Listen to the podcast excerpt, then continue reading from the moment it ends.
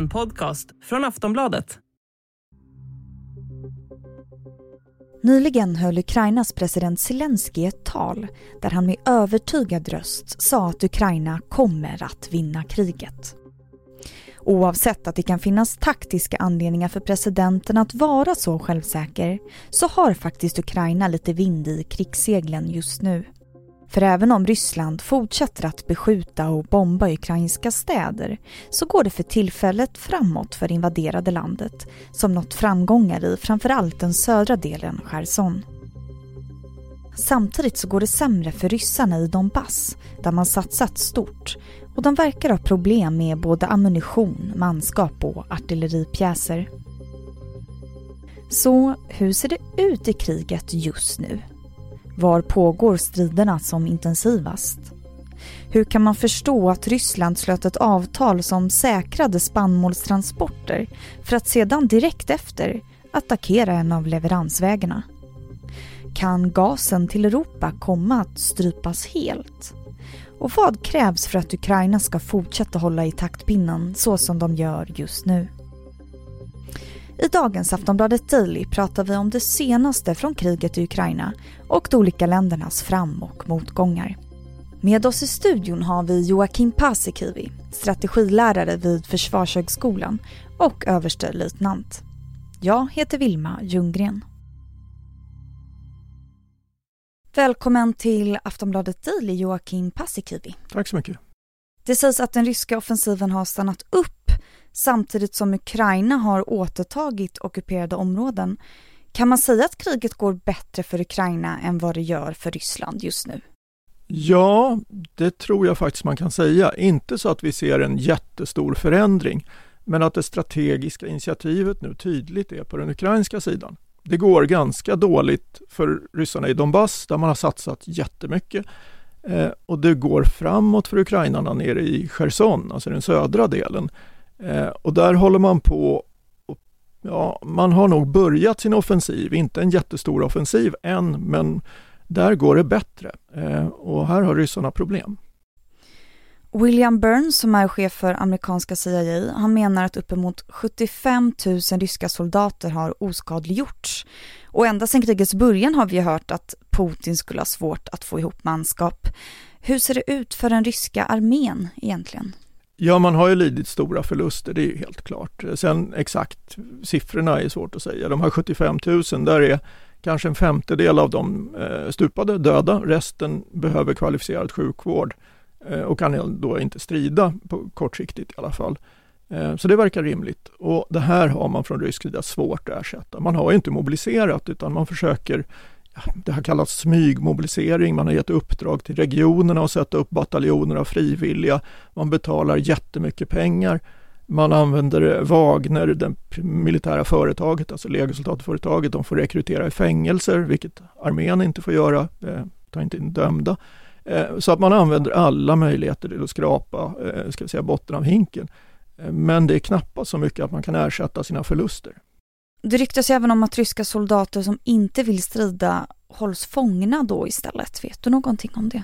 Det finns en massa olika uppgifter om det. Alltså vi har sett filmklipp eh, där mobiliserade sådana här ja, folkrepublikförband, alltså marionettstaterna, eh, klagar på att de har blivit insatta, inte fått utbildning, utrustning, sjukvård och allt sånt. Eh, det finns rykten eller obekräftade uppgifter om eh, stora petitioner från förband som menar att de ska få åka hem och eh, soldater som inte vill förlänga kontrakten.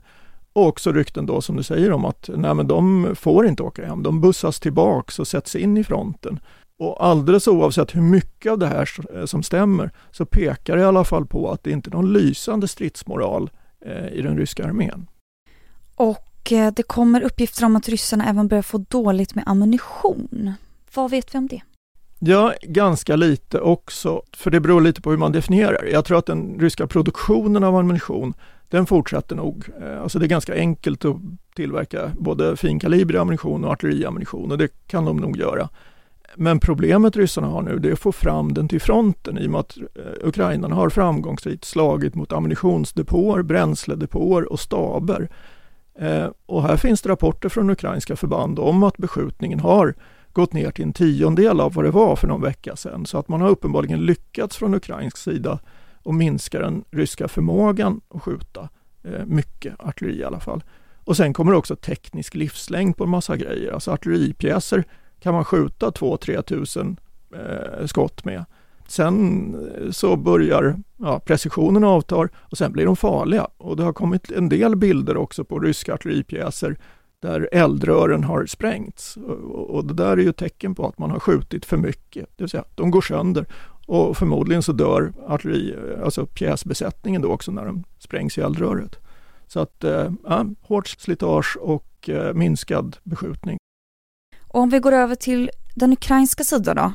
Zelensky sa nyligen i ett möte med sin ledning att Ukraina kommer att vinna kriget. Var kommer den här starka övertygelsen ifrån? Ja, dels är det ett budskap som han måste ha. Det är ju hans budskap sedan dag ett. Eh, och, och, om han skulle börja tveka, då skulle alla andra också börja tveka.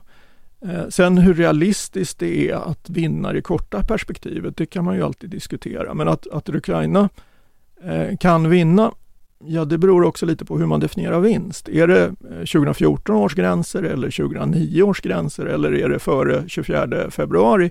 Eh, alltså hur ska man se på det här? Eh, slänga ut ryssarna från allt ockuperat territorium i Ukraina eh, före årsskiftet? Nej, det tror jag inte, även om det är deras ambition. Jag tror inte det är möjligt. Men de vill. Och vad tror du egentligen skulle krävas för att det här ska bli verklighet, att Ukraina vinner, hur man nu definierar vinst? Ja, det är att de får ett fortsatt stöd från väst, både med eh, ekonomiska medel, eh, humanitärt stöd, men framförallt med vapen och ammunition på det sätt som redan sker. Eh, och att ryssarna inte mobiliserar, alltså att man inte säger att nu är hela Ryssland i krig och kastar in allt man har, för det skulle också förändra Eh, för då skulle det komma många fler ryska soldater. Eh, sämre utbildade, eh, sämre utrustning, men många fler. Nyligen så nåddes vi av nyheten att Ryssland bombat hamnen i Odessa, bara 12 timmar efter att de två länderna ingått ett avtal med FN och Turkiet som skulle säkra just spannmålsexporten och där hamnen är en viktig plats för den här transporten. Varför gjorde Ryssland så? Hur ska man tolka det? Det där har jag svårt att riktigt förstå varför man gör. Man ingår ett avtal där bland annat Turkiet är en av eh, avtalsslutande parterna. Eh, och sen dagen efter så skjuter man och så 24 timmar efter det eh, så säger man att äh, men det var vi och vi sköt mot militära mål. Så vi bröt inte mot avtalet hävdar man från rysk sida. Det där är ju ett fullständigt orealistiskt sätt att se på hur, ja, avtalets anda och det har ju Turkiet också påpekat. Eh, att man skulle säga, ja men vi skjuter bara på militära mål och, och det får vi, eh, menar man från rysk sida, och det skulle inte påverka spannmålstrafiken. Nej men det är klart att det gör det. Det är ju ingen som kör in med ett fraktfartyg i Odessas hamn så länge man skjuter bredvid eh, ja, spannmålskajen och säger att man skjuter mot robotar. Så att det är ett uppenbart, eh, tycker jag, ryskt försök att bryta mot avtalet. Sen har jag, det som jag har svårt att förstå är vad det är för motiv. Alltså vem försöker man lura? Omvärlden ser ju det här ganska tydligt att de fortsätter att skjuta mot Odessa oavsett vad ryssarna säger.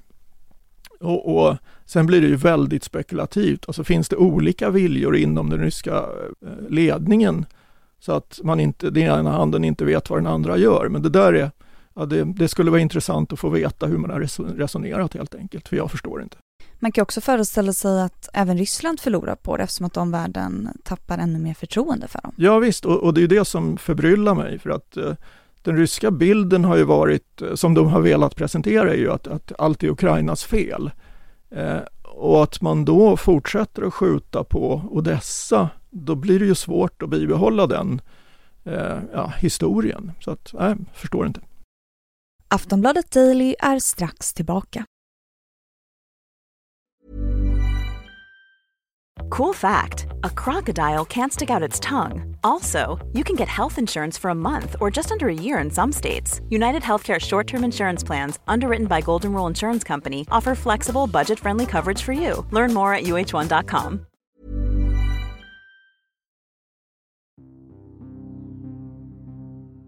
Alla vapen kom ju inte i form av gevär eller bomber, utan även ekonomiska och materiella påtryckningar spelar roll.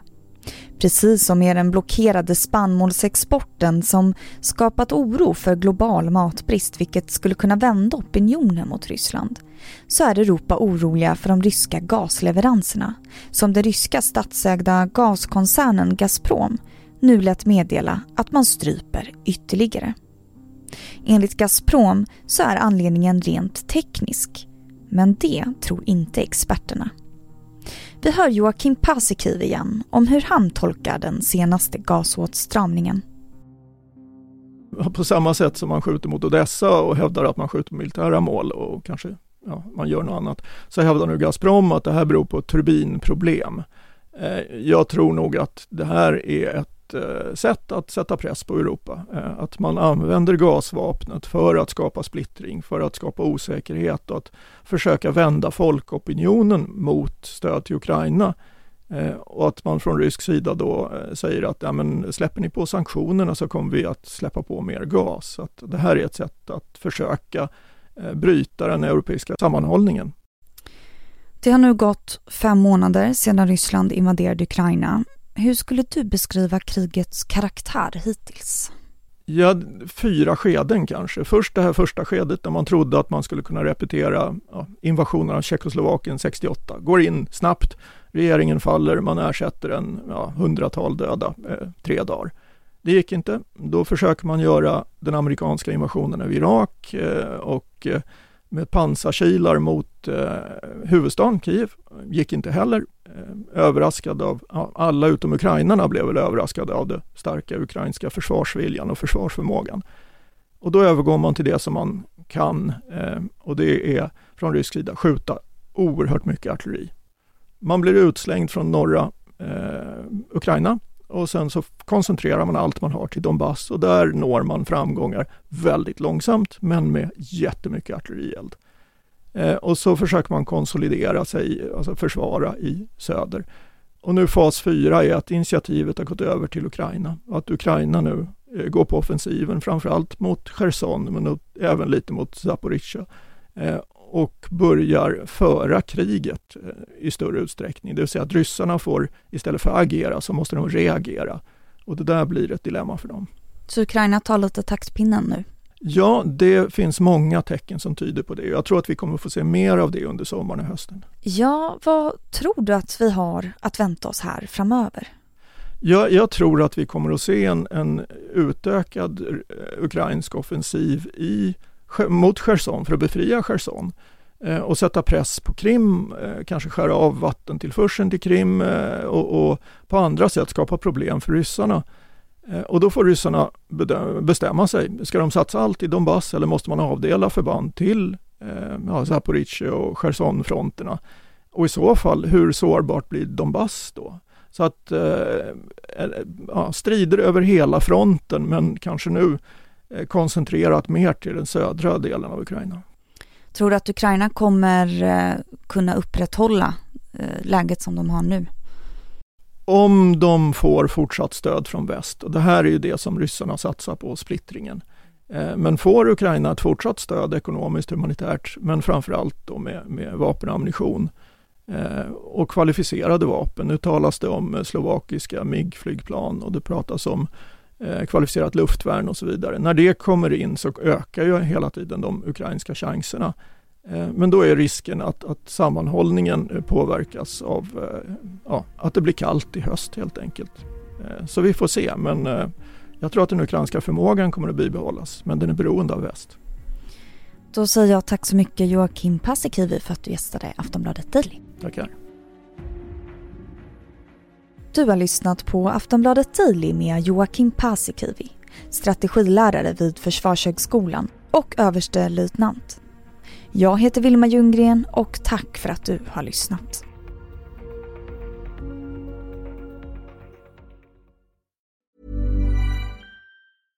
This is Paige, the co-host of Giggly Squad, and I want to tell you about a company that I've been loving, Olive and June. Olive and June gives you everything that you need for a salon quality manicure in one box. And if you break it down, it really comes out to $2 a manicure, which is absolutely insane. It's also so easy to get salon worthy nails at home with Olive and June. The difference between how your nails used to look when you did them yourself and now with the Manny system is a complete game changer. The best thing about Olive and June too is it's a quick dry, dries in about one minute, lasts for five days, and full coverage in up to one to two coats. Visit oliveandjune.com slash perfectmanny20 for 20% off your first system. That's oliveandjune.com slash perfectmanny20 for 20% off your first system.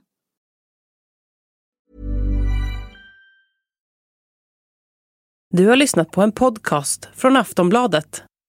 Ansvarig utgivare är Lena K Samuelsson. Tired of ads barging into your favorite news podcasts?